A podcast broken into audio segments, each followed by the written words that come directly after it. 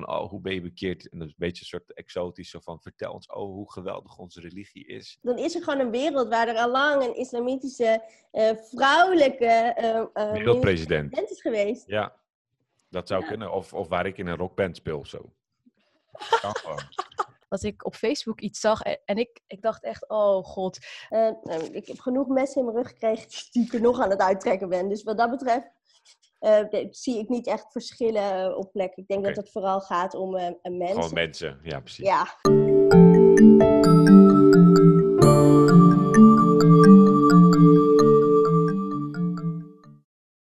Welkom bij alweer de volgende aflevering van onze podcast Super Moslims. Mijn naam is Kauthar, met mij is Halil, de co-host. En we hebben alweer een bijzondere gast vandaag, uh, Sandra Doevendans.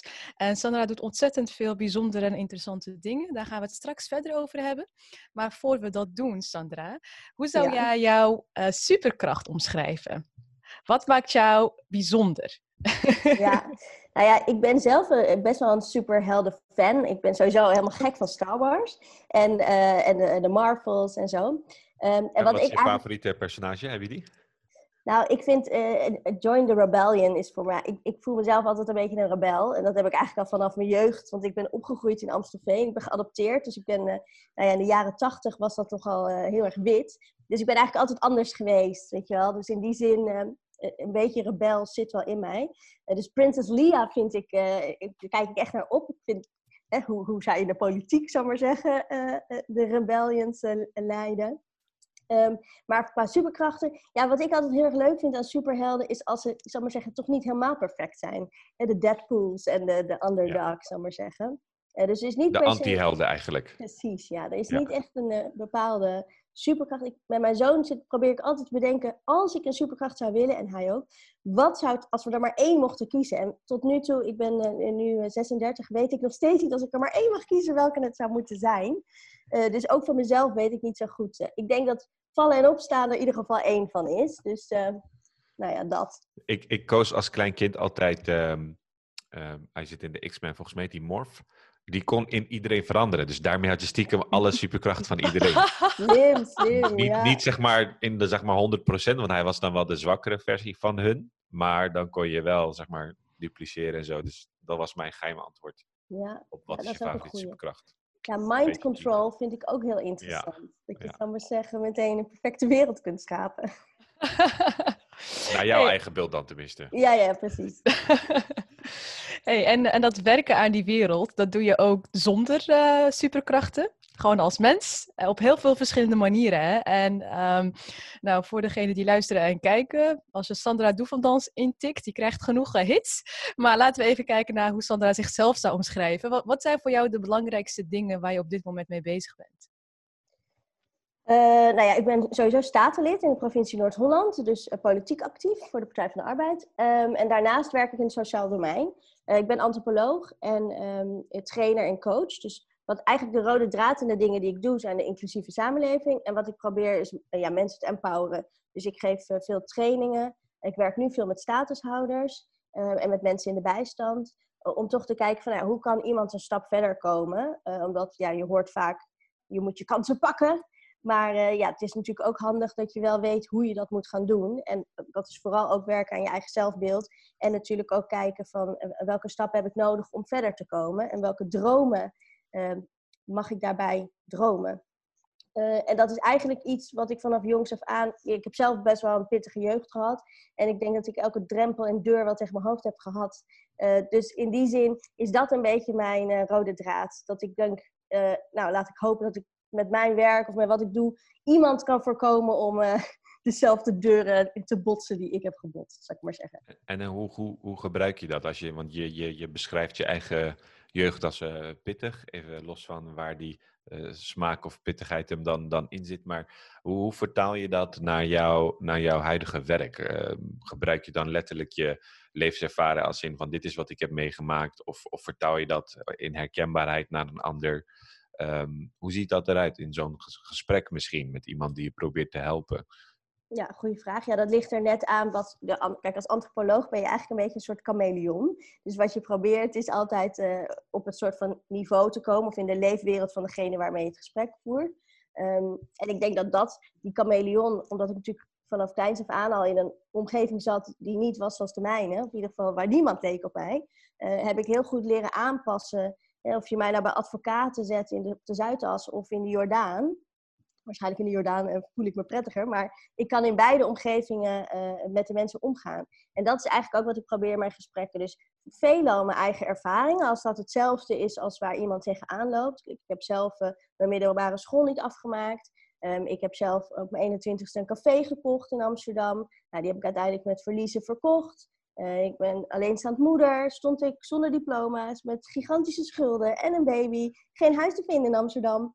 Um, dus ja, er is genoeg uh, waar ik uit kan putten, uh, waar er vaak draagvlakken of raakvlakken zijn met iemand anders. En daarmee probeer ik eigenlijk alleen maar duidelijk te maken of het te gebruiken om te zeggen van ja, eigenlijk kan je alles. Um, maar je moet er wel zelf ook in geloven. En natuurlijk kan niet alles, maar ik probeer daarmee wel mensen hun ogen te openen van ja, als ik zou moeten geloven, alle mensen die zeiden dat ik iets niet moest doen of iets niet kon, dan zat ik waarschijnlijk nu nog in een hoekje te huilen.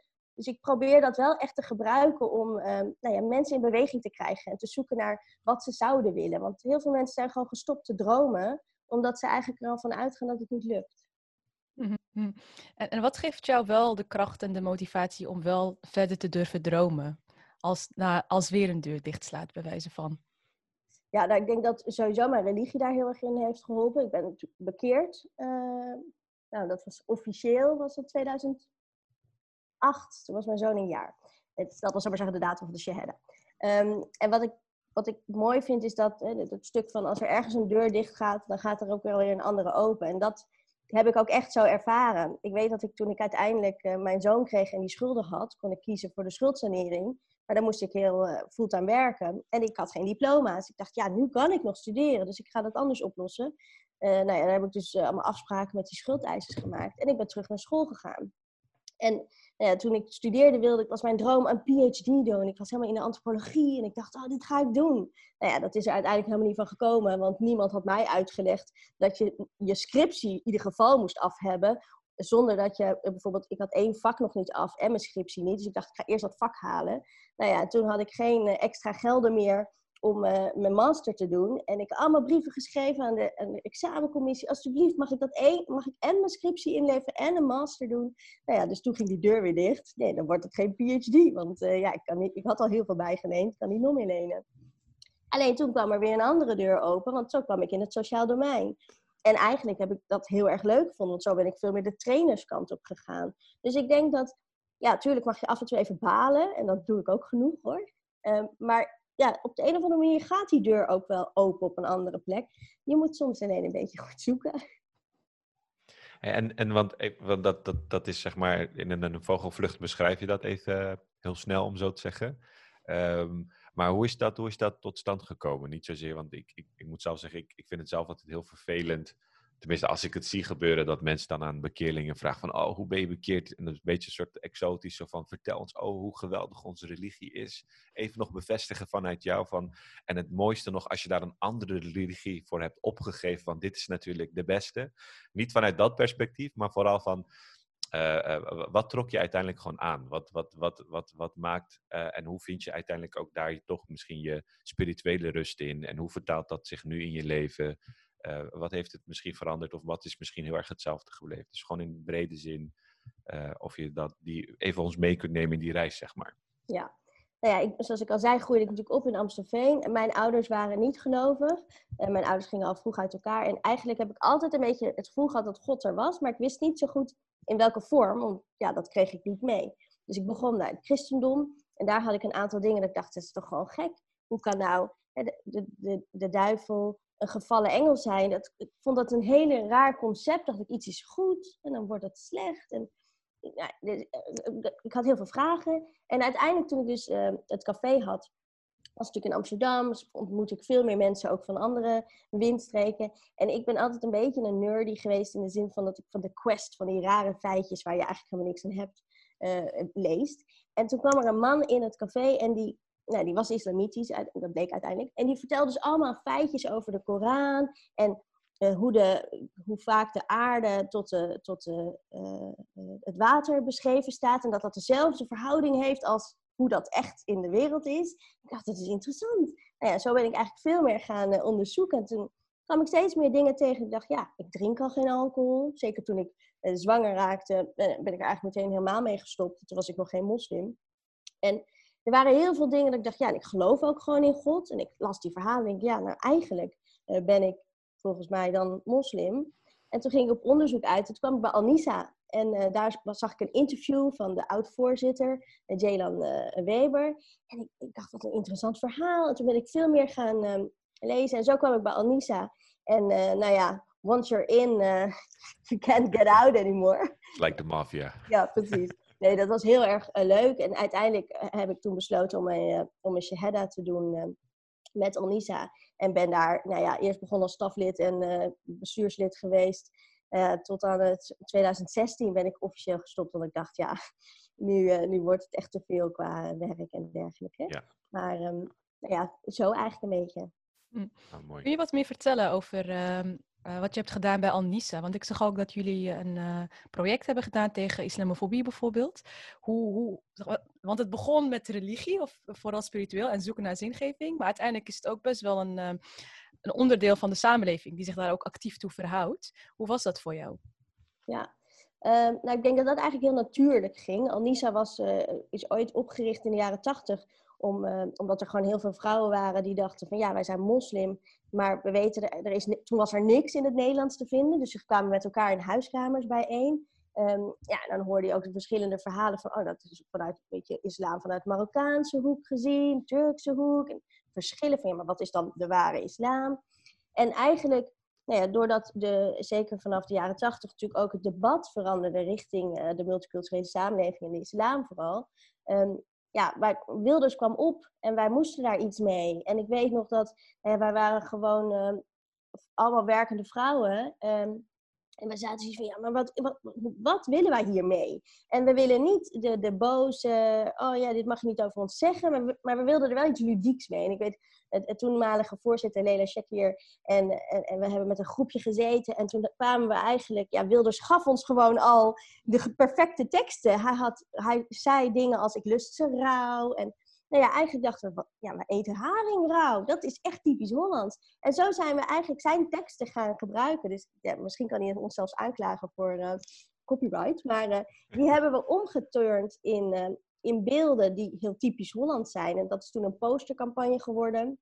En eigenlijk was dat wij hadden helemaal nog niet door dat we tegen islamofobie aan het strijden waren. Wij dachten gewoon, ja, die verkiezingen komen eraan en die man met het haar zit maar te roepen. Laten wij zelf iets gaan roepen. En dat doen we dan op onze eigen ludieke wijze. En zo is eigenlijk uh, dat hele debat een beetje begonnen. Want toen zaten we bij Paul de Leeuw, waar toenmalig uh, Pechtold uh, lijsttrekker was van D66. Die zei, nou, ja, ik wist niet dat er zulke moslima's waren. Dat ik dacht, gast, ben je niet helemaal goed of zo? Ik bedoel, ja. hoe, hoe zien ze er dan uit?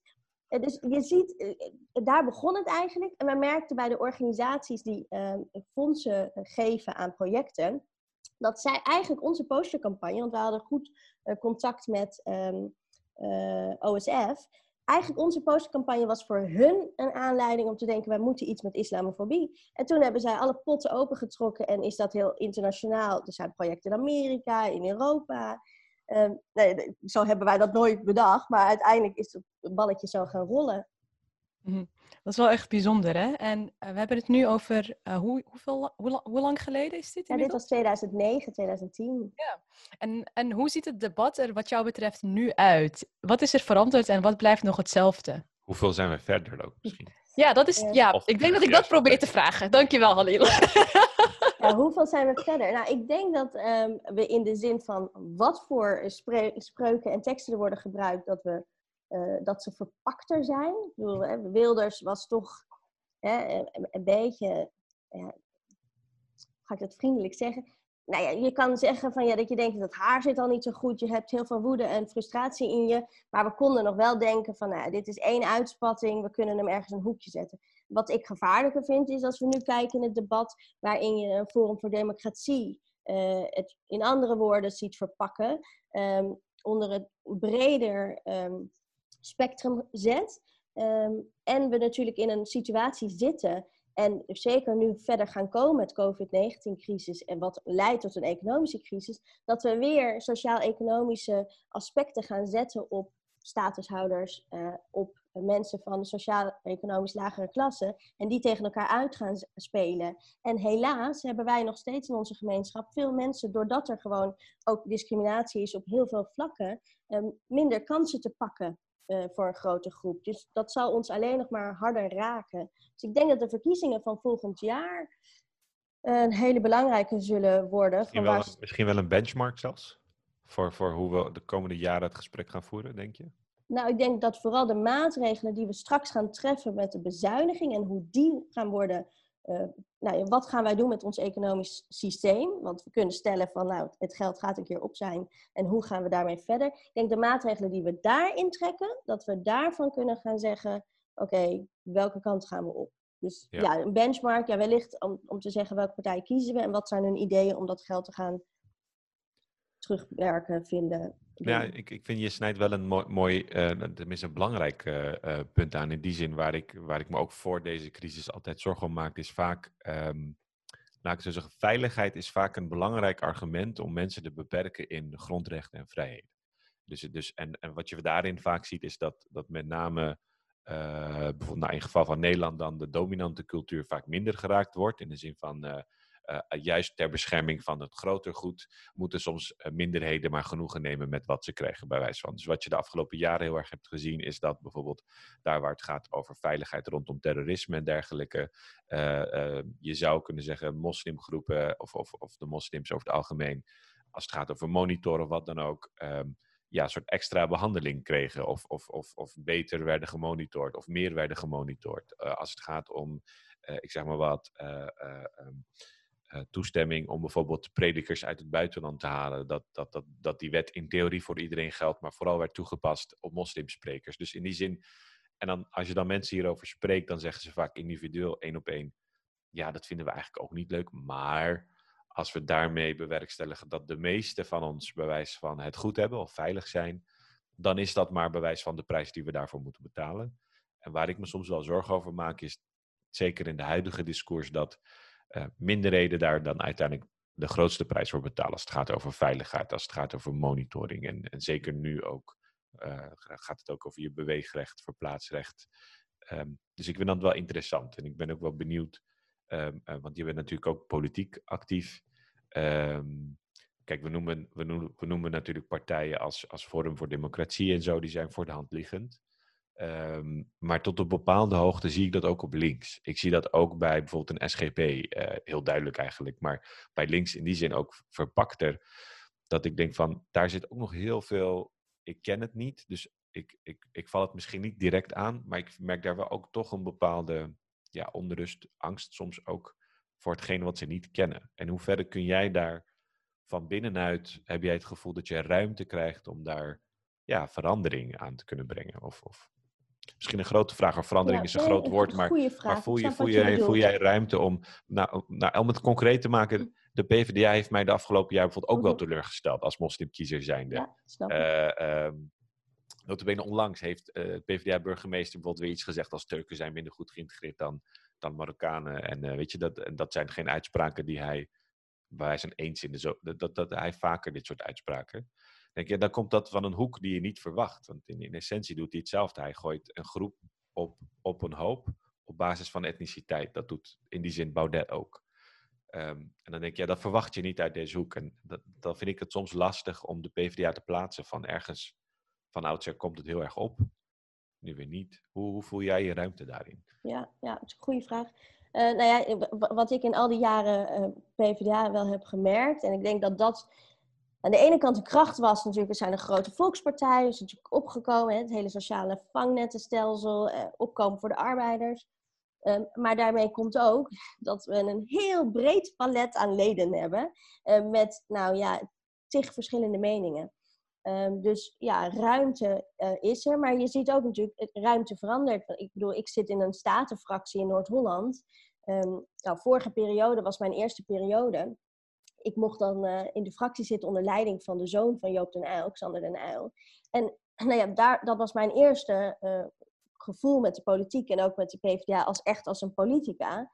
En ik merkte dat, nou ja, ik was natuurlijk, ik, ik, ik was jonger en ik oogjong, um, maar er was wel ruimte voor mij om mijn ideeën te ventileren. En mensen luisterden ook, dat ik dacht, oh wauw, wat interessant. En eh, ik heb daarin moeten groeien dat ik dacht van ja, maar diversiteit en inclusief is voor mij heel belangrijk. En zeker als we kijken naar het provinciehuis, dat is, was vooral heel wit.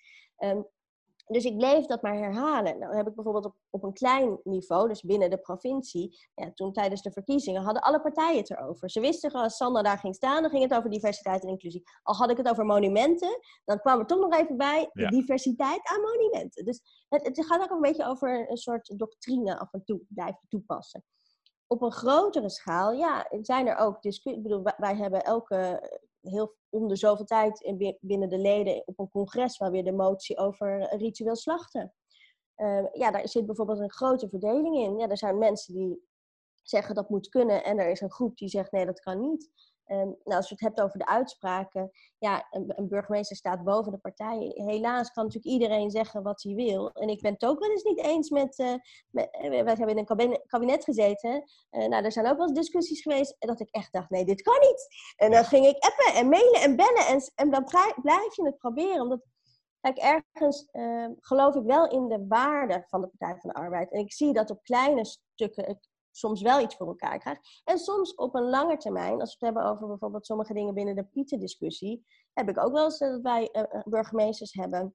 Waar ik dan gewoon, en dan even gewoon als Sandra mee blijf praten. En dan mijn ervaringen, gewoon omdat we homies zijn. En, ja, ja, ja. anders overkomt. En, dat, en dan hoef ik helemaal, dat zou ik ook nooit in de openbaarheid over zeggen van, oh, dat ben ik aan het doen. Maar dan zie ik wel dat blijven aandacht schenken en soms gewoon vanuit, we zijn vrienden en we hebben het erover dat er soms ook dingen veranderen. Dat ik denk, en dat, die dan, dat mensen terugkomen en zeggen, nou ja, ik heb er toch nog eens over nagedacht. Ja, misschien heb je een punt. Alleen het kost heel veel tijd.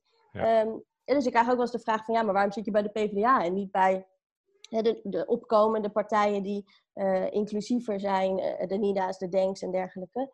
Um, maar ik, ik, geloof wel heel erg in waar de Partij van de Arbeid voor staat. En ik, ja. ik heb wel zoiets van, van binnenuit moet ik proberen daar toch voor te strijden. En dat lukt niet altijd, nee. Ja, want dat wilde ik eigenlijk net vragen. Want, want dat, ik merk dat bij een um, uh, jongere generatie, uh, mensen met een migrantenachtergrond, de discussie vaak is van... Um, moet je bij de bestaande bewegingen van binnenuit proberen verandering teweeg te brengen? Of moet je bij wijze van je eigen beweging oprichten? En ik vind het mooi dat je nu beide ziet. En, en misschien is dat het ook. Misschien moet beide er gewoon zijn. Ja, maar waarom heb jij gekozen voor van binnenuit in dit geval? Persoonlijk dan. Ja, nou ja, van binnenuit omdat ik ik, ik, ben daar eenmaal ingerold. Eh, ik stemde altijd op Partij van de Arbeid vanaf dat ik mocht stemmen. Ehm, en ja, het, is wel gewoon mijn clubje. En natuurlijk irriteer ik me soms ook. En dan ben je op het moment en dan, en dan hoor je weer iets voorbij komen. En dan denk je, jongen, jongen, serieus, ging net de goede kant op. En dan heb je weer een of andere flapdrol er iets uitkraamt. Maar en als ik dan weer bij een bijeenkomst, nou nu dan niet, maar als je dan weer bij een bijeenkomst bent en je ziet zoveel verschillende mensen en je spreekt op een congres weer mensen die denken, ja, dit is waar we voor staan. En natuurlijk heb je altijd een groep, want het is een brede volkspartij. En dat is natuurlijk het voordeel als je een kleinere partij bent die uh, met, uh, met bepaalde idealen begint en dat je natuurlijk kleiner bent en daarbij kan blijven staan. En dat is het nadeel van een grote gevestigde partij, dat er gewoon veel structuren zijn Ehm, maar wat ik wel zie is dat de PvdA aan het veranderen is. Ik bedoel, als we nu kijken naar uh, dat er veel meer oog is voor jeugd, dat er veel meer innovatief ook wordt meegedacht. En, en dat iedereen ook wel, ja, natuurlijk zijn we ook wel heel hard uh, gestraft, ziet van oké, misschien moeten we het zo echt weer terug naar de kern van wie zijn we nou en waar staan we voor. En nou ja, ik denk dat dat dan, ik, ik ben nogal loyaal, uh, dat dat dan ook wel weer zo'n ding is dat ik denk van ja, zie je, ik ga niet nu opgeven. Het zal potjandori zonde zijn. We moeten het echt wel, eh, en natuurlijk zijn er zat mensen zoals ik binnen de partij die willen dat we een bepaalde kant op gaan. En dan moet je elkaar ook zoeken en af en toe even voeden. En soms ben je er helemaal klaar mee. Dan mag je gewoon even bellen en, eh, en, en, en zeuren over iedereen en alles. En dan gewoon weer door. Mm Hey, en um, wat ik ook een interessante afweging vind, is wij spreken met supermoslims heel veel verschillende mensen. Mensen die vanuit de kunst iets proberen te veranderen. Uh, mensen die vanuit het studentenleven proberen te veranderen. Uh, en dus ook vanuit uh, grassroots. En um, jij bent vooral dus vanuit politiek actief. Hoe ehm, heb jij daarin ook een bewuste keuze gemaakt om dus inderdaad in de gevestigde organisatie en structuur te gaan zitten? Want met Anissa is dat veel meer vanuit een andere manier uh, actief zijn. is het een bewuste keuze geweest of hoe is dat dan gegaan? Of doe je nog steeds beide? Want ik zie dat je nog steeds heel veel doet. ja, dus doe... hoe, hoe weeg je dat af? Nou ja, ik begon natuurlijk vooral de grassroots, dus veel uh, de activistische kant. Ik ben eigenlijk de politiek ingerold. Ehm, dus in die zin um, was dat niet, het was niet dat ik dacht, oh ja, ik ga de politiek in. Dat, dat, gebeurde eigenlijk een beetje. En um, nou ja, ik doe nog steeds beide, maar ik heb ook wel gezien dat ik soms dingen kan veranderen die wellicht kleiner zijn. Maar als ik bijvoorbeeld kijk, vorige periode heb ik ervoor in ons provinciehuis had je altijd uh, traineeships en stageplekken, tien per jaar. En die zijn altijd wit. En ik dacht, dat is raar, want waarom is er niemand die op mij lijkt? En nee, dan is het nu wel gelukt om 20% zijn gewoon standaard uh, niet-westerse studenten. 20 zijn standaard niet-westerse trainees. En de HR wordt elk jaar getraind op inclusief werkgeverschap. Het is iets heel kleins, maar dan denk ik, dat zijn er toch vier per jaar. Nou, over tien jaar zijn dat 40 jongeren die uh, misschien ook wel in het provinciehuis als statenlid zijn. Of uh, onze toekomstige minister-president of superambtenaar of whatever zullen zijn. Of directeur bij de Belastingdienst, dan gaat het een stuk beter. Dus ik, ik denk dat uh, als ik kijk naar resultaten, kijk bij Alnisa was het super tof, omdat je natuurlijk, je bent met elkaar bezig en je probeert dingen te veranderen. Maar ik ben ook wel resultaatgericht en, en de verandering is traag en we zijn er nog lang niet. Um, en binnen de politiek zie ik dat ik soms kleine dingen sneller kan veranderen. Ik denk, nou, dit is eigenlijk super simpel. En dat zijn gewoon vier kinderen per jaar die uh, nu een kans krijgen, punt. Heel, heel concreet ook. Tenminste, ja. concreter lijkt me dan dat je van buiten uh, uh, het systeem probeert te doordringen. Ja. En ik denk, en ik denk dat je het samen moet doen. Ja, dat sowieso. Maar ik denk ook dat je minder dan ook als bedreiging wordt gezien. Dus, dus, dus uh, terwijl je eigenlijk misschien voor hetzelfde staat, maar omdat je dan een PvdA-petje op hebt in plaats van bijvoorbeeld een Anissa-petje, dat, dat misschien mensen dan denken, oh ja, maar dit komt vanuit een goede plek of zo. Of ze willen ons helpen. Of dat het minder wordt gezien als mm. misschien een bedreiging. Vat je het zo op? Nou, dat, dat heb ik niet zo ervaren. Ik denk dat, uh, uh, ja, wat dat betreft, als ik kijk vanuit de grassroots activisme of vanuit politiek, uh, ik heb genoeg messen in mijn rug gekregen die ik er nog aan het uittrekken ben. Dus wat dat betreft zie ik niet echt verschillen op plek. Ik denk okay. dat het vooral gaat om een mens. Gewoon mensen, ja, precies. Ja, en um, ja, dus dat. Uh, ik denk ook dat zeker in het begin dat ik natuurlijk begon eh, in de politiek, ja, dus was de PvdA echt uitgekotst. Dus ik denk wat dat betreft dat ik ook begon, waar waar, toen ik moslim werd, werden we uitgekotst na, omdat het na 9-11 was. Ik kwam bij de PvdA en we werden uitgekotst omdat we met de VVD hadden geregeerd. Dus het, hoort ook wel weer een beetje bij, bij mijn leven om van, van, van modder iets te kunnen maken. Um, dus eigenlijk voor de mensen die nu lid zijn geworden bij de PvdA is het anders. Want de vibe is al anders en we zijn ja. alweer stappen verder. Maar in die tijd was dat niet zo. Ja. Ik vind het wel grappig hoe je dat dan uh, zo benoemt. Vanuit modder iets moois maken. van, van, wat, wat, wat motiveert jou om dat zo te blijven doen? Dat je denkt van nou, ik heb even geen zin in modder gooien. Of even geen zin in het boetseren van iets uit uh, deze chaos. Uh, want je zou in principe ook andere dingen kunnen doen. Wat maakt dat je wel dit soort dingen blijft doen en daarin wel blijft investeren? Ja, dat weet ik niet. Ik denk dat ik uh, gewoon uh, niet helemaal 100 ben, zoals zoveel.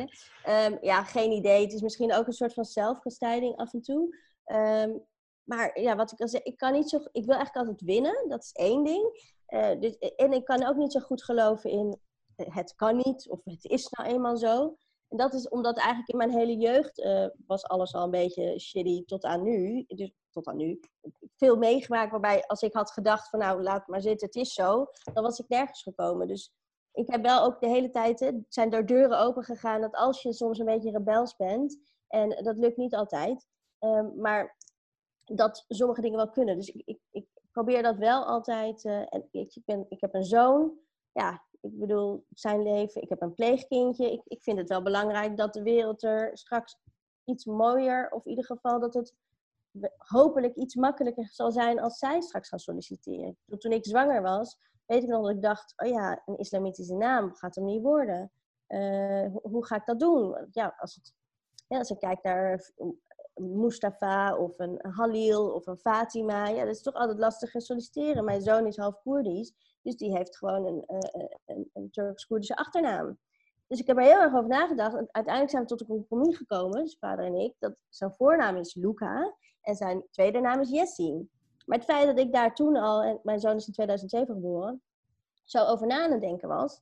Uh, ik wil niet dat hij daarover na hoeft te denken. Hij moet zijn kind zo kunnen noemen als dat hij zelf zou willen, als, als, als hij straks later kinderen krijgt. Maar, dus ik hoop wel, ik denk dat dat mijn drijfveer is. Dat, dat ik gewoon hoop dat het ietsjes mooier is. Mm Ja. Dus elke, als ik, elke kleine beetjes uh, helpen. Precies. Maar je komt bij mij heel erg over als iemand die een enorme, enorme drijf heeft. Dus uh, uh, bij wijze van ook een bepaald tempo heeft. Dus, dus je lijkt me een go-getter. Zo van als je iets in je gedachten hebt, dan, dan ga je daar, dan vlieg je dat aan totdat het klaar is, bij wijze van. En, en alle obstakels in de weg uh, elimineer je volgens mij wel. In de, niet in letterlijke context, maar uh, in uh, sort of speak. Um, maar um, roept dat bij dit soort thema's, als het gaat over diversiteit, inclusie, uh, tenminste, ik hou me ook in, die, in dat wereldje bezig, dat roept soms ook weerstand op. Niet altijd weerstand vanuit uh, onwil, hè? Dus, dus bij wijze van even los van de club mensen die gewoon daar niks mee hebben en het allemaal onzin vinden. Heel veel mensen vinden het ook spannend of, of voelen zich er uh, een bepaald ongemak erbij. Um, hoe vlieg je dat aan? Hoe, hoe, want ik kan me voorstellen, als jij zelf een hele duidelijke visie hebt, soms is het, merk ik, lastig om je dan weer even wij dan tot een andermans niveau. Uh, dat, je, dat je bij wijze van hele basale vragen nog moet uitleggen. Of, of lukt dat je altijd? Of zeg je van, nou weet je, dit is gewoon hoe we het gaan doen. Hoe, hoe ben je daarin qua zeg maar leider? Wat voor type ja. leider ben je daarin? Ben je iemand die gewoon andere opdrachten geeft? Of druk je even op een pauzeknop? Uh, hoe, nee, hoe, pak, komt... hoe vlieg je dat aan? Ja, goede vraag. Nee, dan komt, uh, nee, ik vind dat, want dit, deze uitzending is natuurlijk na de Ramadan. Dus ja. Ramadan is voor mij altijd een maand dat ik ga bezinnen op van alles en nog wat. Hoe heb ik dat gedaan? En, toevallig is deze vraag ook een beetje teruggekomen van, goh, hoe, hoe behaal ik mijn resultaten? Uh, en eigenlijk wat antropoloog, het is toch al een beetje chameleon zijn. En dat zit eigenlijk in het aard van diertje. Omdat toen ik opgroeide, ik denk dat dat wel echt belangrijk uh, bouwsteen is geweest voor mij ik was gewoon, ik dacht altijd dat ik wit was. Want iedereen om mij heen was wit. Alleen als ik in de spiegel keek, ja, oh, oh nee, ik ben niet wit. Um, of als ik een vraag kreeg van kinderen van, gaat dat bruin er ook af? Um, ben je Zwarte Piet? En verder was ik gewoon, dacht ik, ik ben wit. Dus ik werd de hele tijd geconfronteerd, oh, ik ben niet wit. En ik denk dat ik daardoor ook heb geleerd dat um, ik, of ja, aangeleerd denk ik eerder, uh, dat ik heel makkelijk kan schakelen. En natuurlijk lukt dat niet altijd. Soms denk je wel, ik heb hier nu even geen, uh, ik wil gaan. Um, maar zeker als ik resultaten wil bereiken, weet ik dat ik wil gaan niet werkt. Want uh, ik ben altijd tien keer sneller, ook in mijn hoofd, dan een ander. Waardoor dan krijg ik niks voor elkaar. Dus ik heb wel geleerd om dan te na, waar ik vroeger meteen, heb ik nu geleerd. Nee, San, we gaan even tot tien tellen. Gewoon even rustig, bismillah. En dan gaan we proberen een gesprek te voeren. En vooral vragen te stellen en dingen op te halen. Want wat ik eigenlijk fijn vind, uh, is dat uiteindelijk de ander denkt dat hij het heeft verzonnen. Want dan is het intrinsiek. En I don't care als jij denkt dat jij het hebt verzonnen, als we het maar voor elkaar krijgen. En ik denk dat, in de, zeker in de politiek, gaat het vooral om gunnen. Want um, er zat een VVD-gedeputeerde op, uh, op, op dat personeelsbeleid nou, die geloven niet zo erg in inclusie. Wel in inclusie en diversiteit onder hun voorwaarden, maar niet in wat ik eronder verstond. En dan is het echt wel gewoon proberen te praten van waar liggen zijn uh, puntjes waarin die kan bewegen. En dat, nou, dat duurt dan anderhalf jaar. Maar uiteindelijk lukt het wel. Dus ik heb wel geleerd om daarin um, stapjes terug te nemen en te zoeken naar wat de ander uh, nodig heeft. Wat, wat ik daarin wel een interessant vraagstuk vind, is um, dat proces van het gesprek voeren. Um, je bent wel vaak alleen. In die zin, uh, waar één Sandra is, zijn er misschien tien anderen met een ander idee. En dan ben je dus tien keer hetzelfde verhaal misschien aan het vertellen. En um, hoe zorg je ervoor dat dat of, of misschien doe je het niet, weet ik niet. Maar is er een manier om dat gesprek ook meer uh, van twee kanten te bewegen? Want uh, soms ben ik heel gezoekende ook in van, oké, sommige dingen kunnen gewoon gegoogeld worden bij wijze van. En wat Halling het ook aangaf, dan, dan moet je vanuit een heel ander startpunt het gesprek voeren met tien mensen. Elke dag in bepaalde settings. Uh, en dat, dat vraagt wel wat van, van, van, van, van een deel van onze samenleving. Om dus geduldig, met een lach, uh, inlevend, uh, een stapje naar de ander te zetten. En dat is heel menselijk en iets heel moois. En tegelijkertijd zitten we wel in een soort structuur en een samenleving waarin uh, dus wel onevenredig uh, van de een uh, iets wordt gevraagd dan van de ander. Of je wordt inderdaad door de Belastingdienst genaaid waar je bij staat. Dus het, het, het, het, zit in die soft side, bij wijze van. Dus dat je dan koffie gaat drinken met heel veel VVD'ers, bij wijze van. Om op dat menselijk niveau die connectie te vinden. Wat denk ik ook wel bijzonder en waardevol is. En tegelijkertijd moet, beweeg je je wel in een soort krachtenveld uh, waarin je niet per se uh, je kaarten mee hebt. Door geschiedenis, door politiek, door, door hoe de samenleving is ingericht. Um, hoe, hoe, ja, ik ben gewoon heel zoekend naar hoe komen we daaruit en hoe lang gaat dit nog duren, zeg maar. ja, een hele goede vraag. Uh, hoe lang gaat duren, geen idee. Ik denk wel dat we nu in een, in een de, de opkomende partijen zoals een NIDA, zoals een DENK, dat dat ook meehelpt. Uiteindelijk staat het ook voor representatie. Het staat ook voor uh, je eigen groepen bij elkaar. Uh, ik geloof heel erg in en, en, en, en, en. Um, en gebruik je eigen kracht daarin. En ik bedoel, ik kan me helemaal voorstellen. Ik, ik, ik werkte vroeg in de horeca en dan kreeg ik echt heel vaak de vraag: waar kom je vandaan? Nou ja, in het begin zeg je dat Sri Lanka. Nou, eerst zei ik dan Amstelveen. Nee, waar kom je echt vandaan? Oh ja, Sri Lanka. Nou ja, op een gegeven moment heb je die vraag zes keer gehad. Ja, kom uit de keuken, want ik heb je eten in mijn handen. Um, dus ik, ik snap dat je soms dan denkt, jongen, jongen, gaan we dit gesprek nog een keer voeren? Maar ik heb wel voor mezelf altijd zoiets van één regel dat ik gewoon mezelf in de spiegel wil kunnen aankijken voordat ik ga slapen. Um, en nou ja, mijn, mijn kracht is om dit zo te doen. Maar ik geloof wel dat als je alleen maar mensen hebt die het zo doen, dat het heel erg lang gaat duren. Ik denk dat juist we verschillende um, uh, manieren nodig hebben. Dus de, hè, de activist, dat zie je ook in de Pieter-discussie. Ik bedoel, in de jaren tachtig was iedereen ook aan het praten over precies hetzelfde. En er is pas vaart gekomen op het moment dat er ook gewoon actie kwam. En, en gesprek. Dus ik denk dat uh, het motors van elkaar kunnen zijn. En als een vliegwiel kan functioneren. En dat iedereen daarbij wel gewoon moet voelen van wat voelt goed voor jou. Kijk, voor mij voelt het niet goed om uh, er keihard in te gaan. Uh, wel in een debat, maar niet. Um, nou ja, ook omdat op straat het uit die, Ja, op straat. Ja, ik zou ook nog gewoon op straat kunnen staan, maar ik bedoel meer in de zin van. Uh, als ik kijk, soms in de Pieter-discussie waren er wel eens uitspraken dat ik dacht, ja, weet je, mijn moeder is gewoon wit en die kan ook zoiets, zou ook zoiets kunnen zeggen dat ik denk, maar zij is geen racist. Dus um, in die zin bedoel ik dat ik ook soms snap waar uh, de ander haar en zijn ideeën vandaan komen. En dat, ik, dat mijn kracht meer is om te zoeken waar zit dat idee en hoe kan ik aansluiting vinden uh, daarmee. Zoals anderen weer heel erg goed zijn om er keihard in te gaan. En ik denk dat we elkaar nodig hebben om die verandering teweeg te brengen. Ja, en, en als, als we het over um, verandering en, en ideeën en in die zin identiteit ook hebben, wat ik interessant vind, of misschien ik ben benieuwd naar jouw perspectief, um, uh, in hoeverre je het daarmee eens bent. Um, ik, ik, dus, dat, dat, dus, dus binnen die discussies die we in Nederland hebben, dus bijvoorbeeld Zwarte Piet discussies, een hele, hele duidelijke voorbeeld daarvan, daar waar het gaat over, over huidskleur, over ras. Uh, in hoeverre dat ook een bedachte concept is, maar goed, dus vooral dus over, over, over huidskleur. Um, ik heb dan het idee dat je daarin dus heel erg ziet dat uh, als je het hebt over diverse gemeenschappen, dus de moslimgemeenschap of de Afro-Caribische gemeenschap, dat daar onderling, naar mijn idee, te weinig, althans nog niet dat het er niet is, te weinig onderlinge solidariteit is. Um, dus enerzijds mis ik vanuit, even, je zou kunnen zeggen, met name de Marokkaans-Turkse moslimgemeenschap, solidariteit als het gaat over thema's als Zwarte Piet of uh, anti-zwart racisme of noem maar op. En anderzijds mis ik soms ook als het gaat over islamofobie van zeg maar de andere kant, uh, onderlinge solidariteit.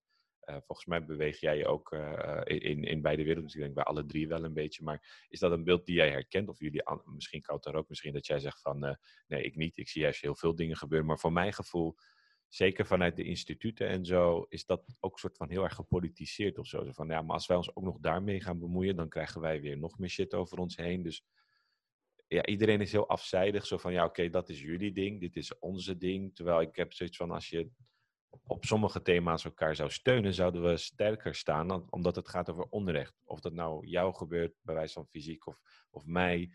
ik, ik heb het idee dat we daarin te weinig nog solidair zijn met elkaar. Maar ik ben benieuwd of jullie dat met mij eens zijn.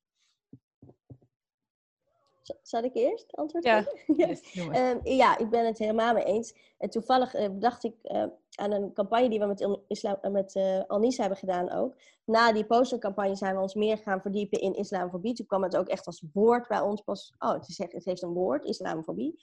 En toen hebben we een documentaire gemaakt over islamofobie. En die- tijdens de presentatie wilden we ook weer iets ludieks geven. En toen is de E EHBD-kist ontstaan. De eerste hulp bij discriminatie.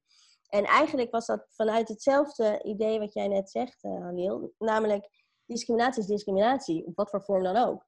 Eh, dus er staat dan bijvoorbeeld in eh, een, een pleister om te verbinden. Maar dan mensen, niet zozeer wondjes. Dus er, zat een hele... om- omdat we ook geloven, en ik persoonlijk helemaal, dat of het nou gaat om, over LHBTIQ+, of het nou gaat over Zwarte Piet, of het eh, politiegeweld, eh, etnisch profileren. Ik denk op het moment dat we echt zouden gaan samenwerken, dan zijn we on fire.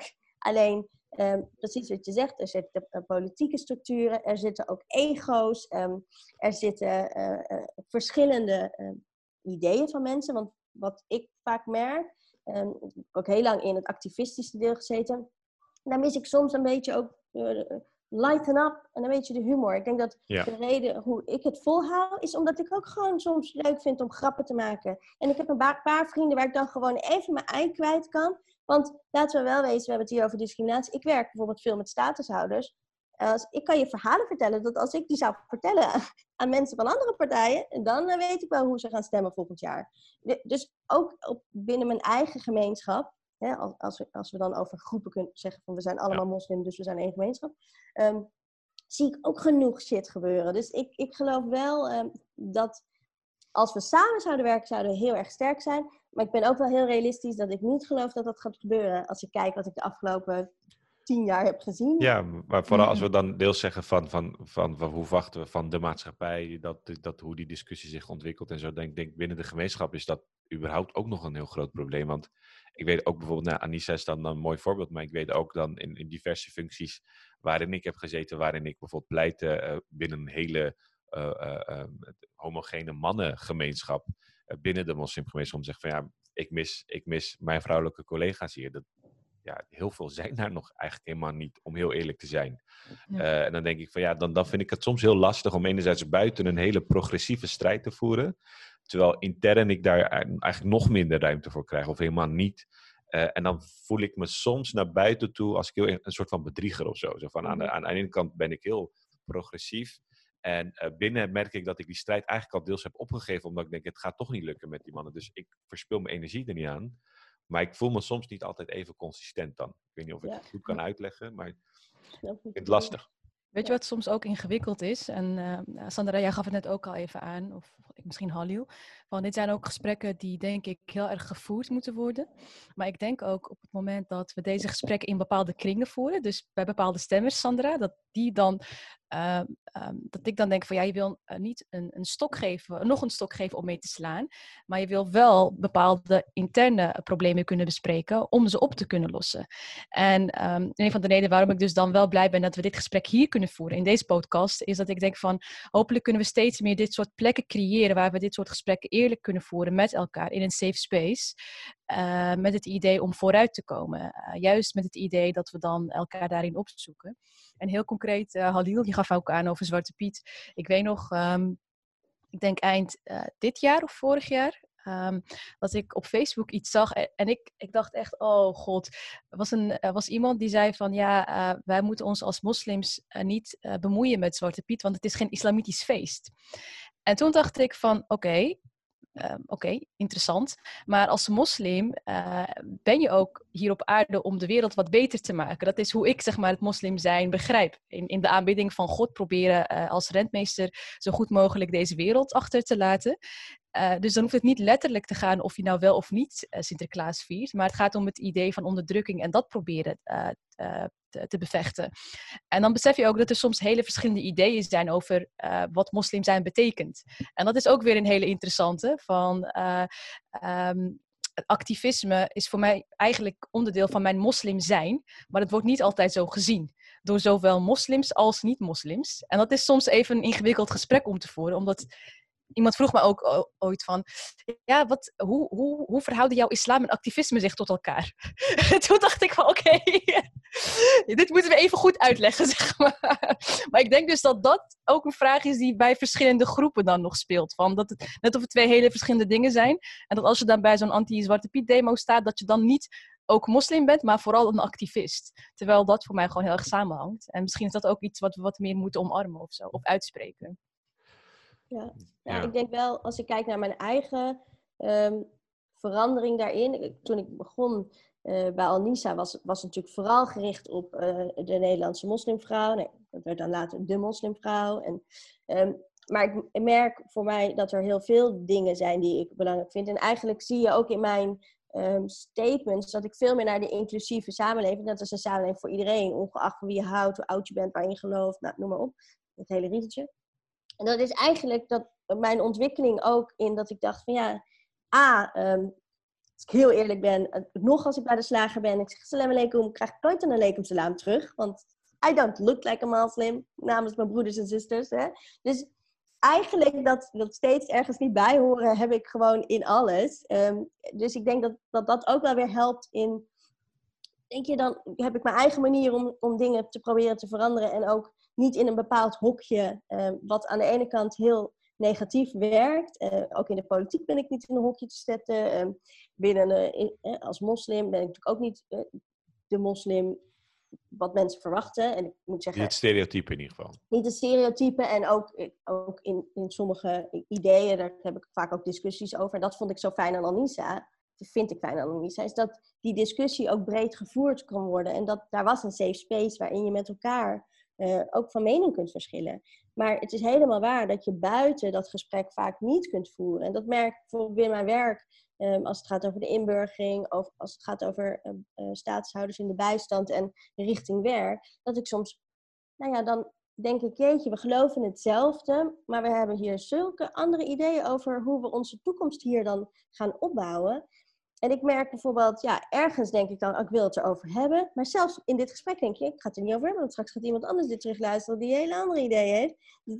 Maar ik merk dan wel dat ik denk, ik wil hier iets mee. En dat, veel praat ik dan met die mensen zelf. Maar um, ik ben het helemaal met je eens, Koud, en ik heb er geen antwoord op. Maar dat ik denk dat we problemen nog beter zouden kunnen oplossen. Op het moment dat je ze ook echt op, open kunt leggen en zegt van dit is waar we mee zitten. Hoe gaan we het oplossen?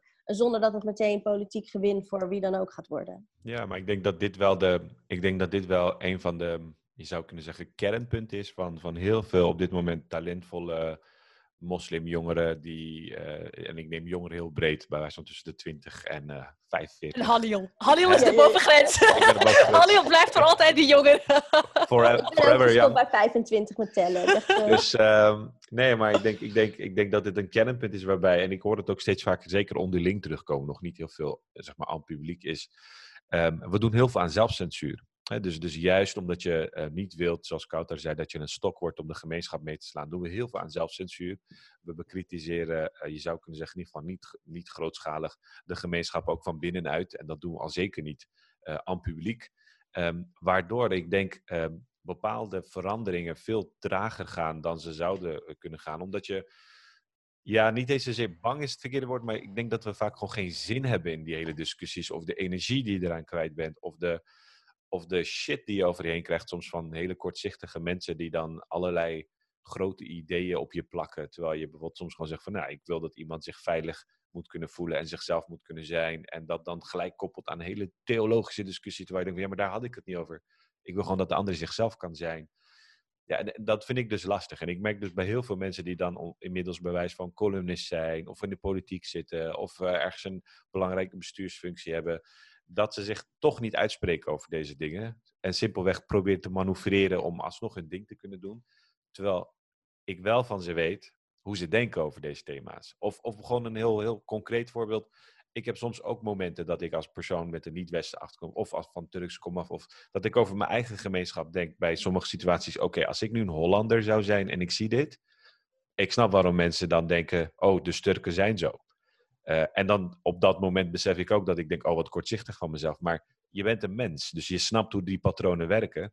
Alleen als we dat dan weer aan het publiek zeggen, dan gaan mensen dat zeggen. Oh, zie je wel, als Halil zelf zegt dat Turken zo zijn. Ja, dus, dus we hebben gelijk over die gemeenschap. Dan denk ik, ja, dat wil ik ook weer niet. Ehm, maar er zijn gewoon problemen, die moeten we erkennen. Niet zozeer van een gemeenschap, maar binnen gemeenschappen, binnen de samenleving zijn er problemen. En ik heb het idee dat wij steeds buiten die discussie staan, terwijl het over ons gaat. Omdat we het heel lastig vinden om daar een juiste balans in te vinden. Ik heb hem ook nog niet gevonden. Uh, ik merk wel dat ik in deze podcast daar meer ruimte in ervaar, omdat ik niet eerst door tien hoepels moet springen van Halil, wat weet je van homoseksualiteit? Wat weet je van handschut? Wat weet je van, voordat ik überhaupt een gesprek mag aangaan? Maar alsnog merk ik, het, het, ik, merk, ik ben nog steeds zoekende naar die balans.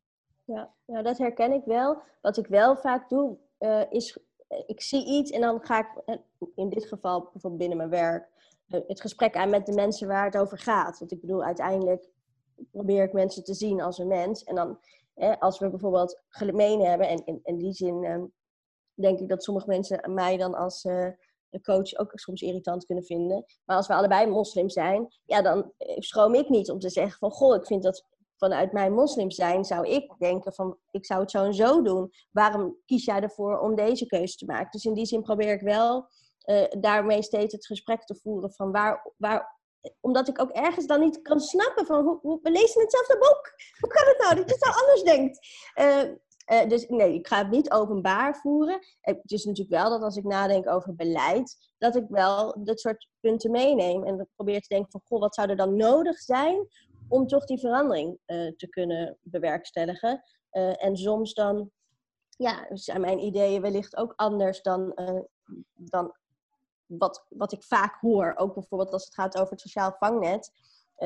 zie ik ook vanuit links soms als dingen dat ik denk, nou, ik denk als we dit zo doen, dan gaan we niet echt veel verder komen. Dus dat we soms ook wel, ik denk zeker als uh, sociale partijen, goed moeten nadenken van als we ons vangstnet willen behouden, moeten we ook kijken van hoe zorgen we ervoor dat iedereen ook mee kan doen, maar ook mee wil doen. Ja, en, en ik denk wel dat dat dus ook niet altijd per se in het openbaar moet. Want aan de ene kant zie ik ook zeg maar, de nood dat het nodig is, inderdaad. En sommige dingen moeten wel worden uitgesproken. Maar we bewegen ons echt in, door een soort mijnenveld. Niet om dramatisch te doen, maar ik denk wel dat dat de realiteit is. Waarin je dus wel enerzijds bepaalde dingen wil aankaarten. En anderzijds uh, ook wel ziet dat je wel nog uh, in bepaalde kwetsbare posities bent, zonder die slachtofferrol uit te Weet je wel, want dat, dat, is ook weer zo'n verwijt van, oh ja, weer dat slachtofferrol. Dus in die zin is het constant zoeken naar uh, enerzijds sterk genoeg bepaalde gesprekken kunnen voeren uh, in je eigen kringen, en anderzijds zelfverzekerd genoeg zijn om dat ook naar buiten toe te doen, zonder dat het weer anders gaat. En iemand zou het ook tegen mij, en dat is me echt bijgebleven, van... Um, als je als persoon van kleur. Uh, soms is het al genoeg om bij wijze van te overleven. Uh, als je al zoveel over je heen krijgt. Sandra, ik vind het heel bijzonder. Je hebt heel veel over je heen gekregen. En uh, je bent nog steeds wel actief en ook publiek actief. sommige mensen kiezen ervoor om, om na al die struggles huisje, boompje, beestje in de luwte op te zoeken. En op die manier hun leven in te richten. En dat snap ik. Weet je, ik heb zoiets van, ook daar moet ruimte voor zijn, want niet elk gemiddeld wit persoon is ook eh, super maatschappelijk betrokken en gaat ook niet naar elke demonstraties. Dus dan hoeven we het ook niet van ons te verwachten. Wij mogen af en toe ook gewoon Zeker. middelmatig zijn, bij wijze van. En ik denk dat dat ook een soort, uh, dat zou denk ik de volgende fase kunnen zijn. Dat, dat er ook minder hoge verwachtingen zijn. Maar daar ben ik helemaal mee Wij zijn soms ook gewoon. Ja, maar ik vind ook dat iedereen, want dat merk ik ook vaak in het debat, dat je dan zegt, oh, ik zo, eh, eh, dat dan iemand iets post, ik was daar en daar, en ik zag helemaal niemand van een bepaalde groep of zo. Dat ik soms ook denk van ja, ik, en ik merk, ik zit natuurlijk in de politiek, dus in die zin uh, zeker als er verkiezingen zijn, de grootste vijanden zitten binnen je eigen partij hoor. Um, en dan ook nog eens binnen je eigen gemeenschap. Dus van alle kanten bitslap. Uh. Maar wat ik wel heel erg heb gemerkt is dat ik probeer te denken van ja, ah, uh, als je veel haters hebt, dan doe je iets goed. Of ik ben mezelf wat mindfucken, dat kan ook. Maar uh, dat ik denk van, hey, ze zien me als een gevaar. En dat ik als, ik, ik kan soms ook nog naïef zijn. Ik denk, maar waarom dan? Want ik, ik, maar goed, dus dat is iets wat ik heb geleerd. Van, van oké, als mensen denken van je bent echt een, een gevaar. Of ze gaan achter je rug om allemaal shizzles doen, posters weghalen of whatever. Dan doe je dus blijkbaar iets goed. Uh, het andere wat ik heb geleerd is ja, weet je, ik, ben alleenstaand moeder. Ik heb ook wel eens dat iemand zei, ja, ik zag je niet bij die bijeenkomst. Ik zeg, nee, ja, ik moet ook gewoon eh, mijn huis betalen, mijn zoon opvoeden, uh, helpen met school, alles, weet je wel. Ik bedoel, ik weet niet hoor, maar ik moet het allemaal alleen doen. Um, het, zit maar 24 uur in een dag. Dat ik op een gegeven moment ook heb beseft van, ja, soms is er voor de top ook nodig dat je overal bent. Want er was toen een periode waarin ik best wel veel ook in het maatschappelijk debat was. En toen kwam er een periode waarin uh, Sunny was out of the picture. Zal maar zeggen, ik deed gewoon nog steeds mijn ding. Maar niet meer... Uh, en er stond een groep op die uh, bijna allemaal kindloos waren en overal konden zijn. En dat was wel een moment dat ik dacht, oh, het is wel bijzonder. Ook dat ik mensen hoorde spreken dat ik dacht, maar jij hebt hier helemaal geen ga jij hier nu iets over zeggen? Like, waarom? Weet je wel? Ik bedoel, ik ga hier ook niks vertellen over raketten, want ik vind ze tof, maar ik weet er niks van. Weet je wel? Ik bedoel. Je hebt wel de quest gelezen, Sandra. Je moet wel iets weten. Ja, ik, nou ja, ik weet het. Gisteren zou de, de officiële lancering zijn van SpaceX. Hè? SpaceX is, een, is uitgesteld, toch? Het, ja, het weer was niet goed.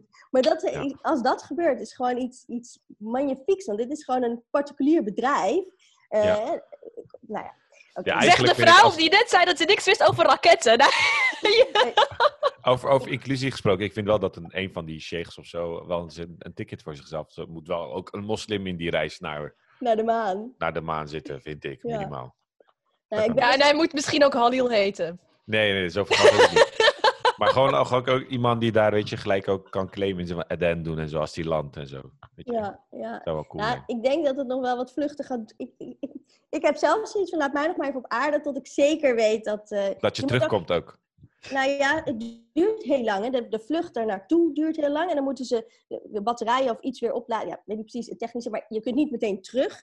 Dus A, zit je heel lang in een kleine ruimte met heel veel mensen. Uh, wel inclusief en divers waarschijnlijk. Zeker, zeker, zeker.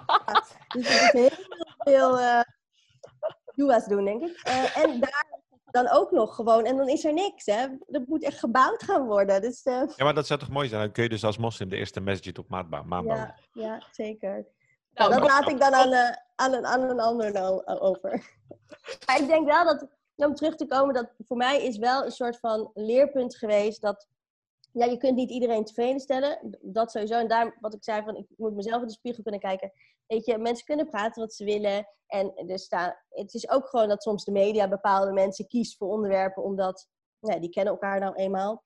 En ik val altijd al buiten een bepaalde hokje. Dus in die zin heb ik dat van jongs af aan al. En ik heb daar ook wel mee leren leven. Ik denk van ja, weet je, ik doe gewoon mijn ding. En als ik voor het slapen gaan in de spiegel kan kijken en denk, oké, ja, tuurlijk heb ik ook wel eens dat ik uh, misschien een bitchy uh, gedachte of het zelfs zo hardop heb gezegd tegen iemand. Dat moet ik dan de volgende dag beter maken. Maar uh, dat ik denk van dat is een beetje mijn, ehm, mijn grens. Dat als ik nu dood neer zou vallen, dat ik kan denken, well, in ieder geval op persoonlijkheid, I, I made it. De, de rest weet ik niet, maar dat ik voor mezelf kan denken van, oké, dit is oké. Okay. You can live with yourself. Ja, precies. And die with yourself. Ja, dat, is, wel het belangrijke, ja. Daar moet je over nadenken. Van, uh, het kan altijd zomaar gebeuren. Ik, wil, ik ben geen doemdenker, maar you never know. True, true. Hey, Halil. Volgens mij uh, zijn we bijna tegen het eind van de rit aan, of niet? De, dat, dat lijkt erop, zeker. Zo, dat is echt heel snel gegaan. Halil, jij mag uh, het laatste woord, denk ik. Ja, ik weet niet of ik het laatste woord. Ik geef, ik geef, uh, ik geef je graag nog de gelegenheid, uh, uh, Sandra, als jij nog iets, iets wil toevoegen, toevoegen, toevoegen.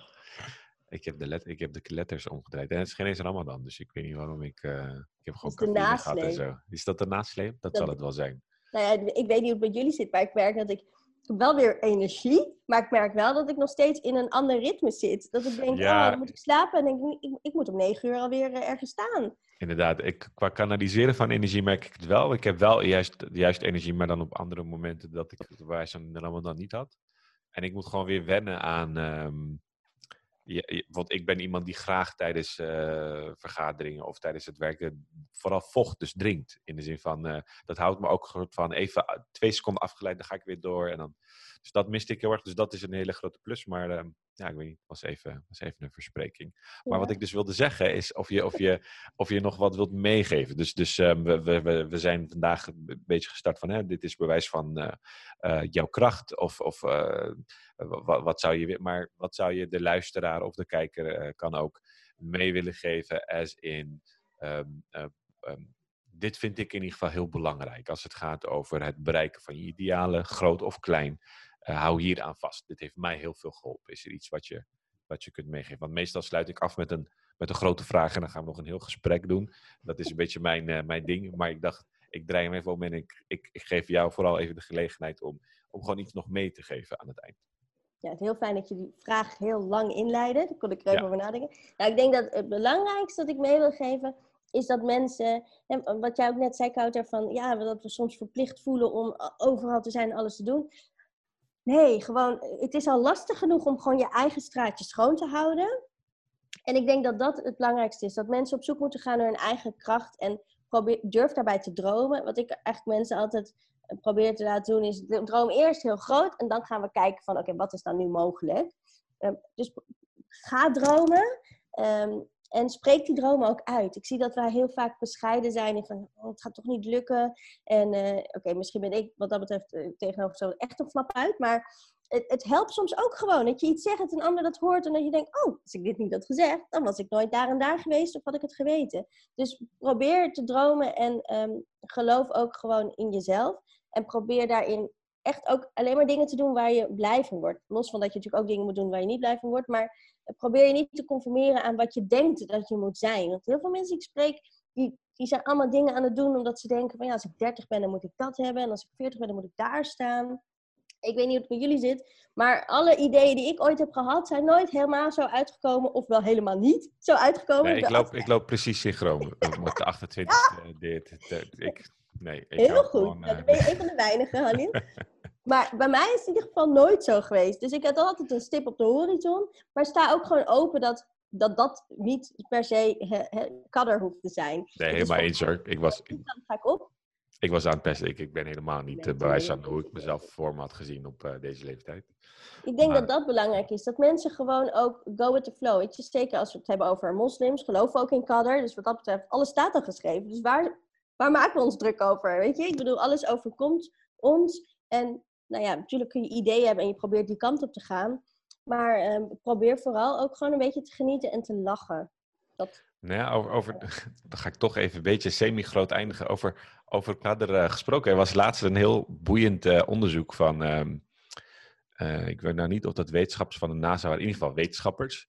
Die dus claim, of claimen um, de eerste ontdekking te hebben gedaan van parallele, parallele ah. realiteiten. Dus bewijs van dezelfde Halil, uh, maar die ooit ja op iets heeft gezegd, maar ik, deze, deze versie heeft nee gezegd. Dus misschien was ik wel veel succesvoller of minder succesvoller in een ander leven.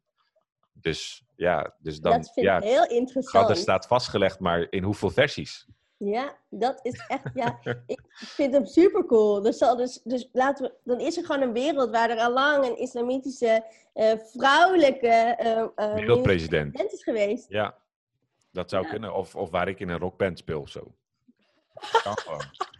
Dus ja, dat, dat vind ik wel interessant om mee af te sluiten. Om misschien ook om onze, om onze luisteraar en kijkers mee te nemen in een, in een parallele universum. Waar dit misschien niet super is, maar super mensen heet of whatever.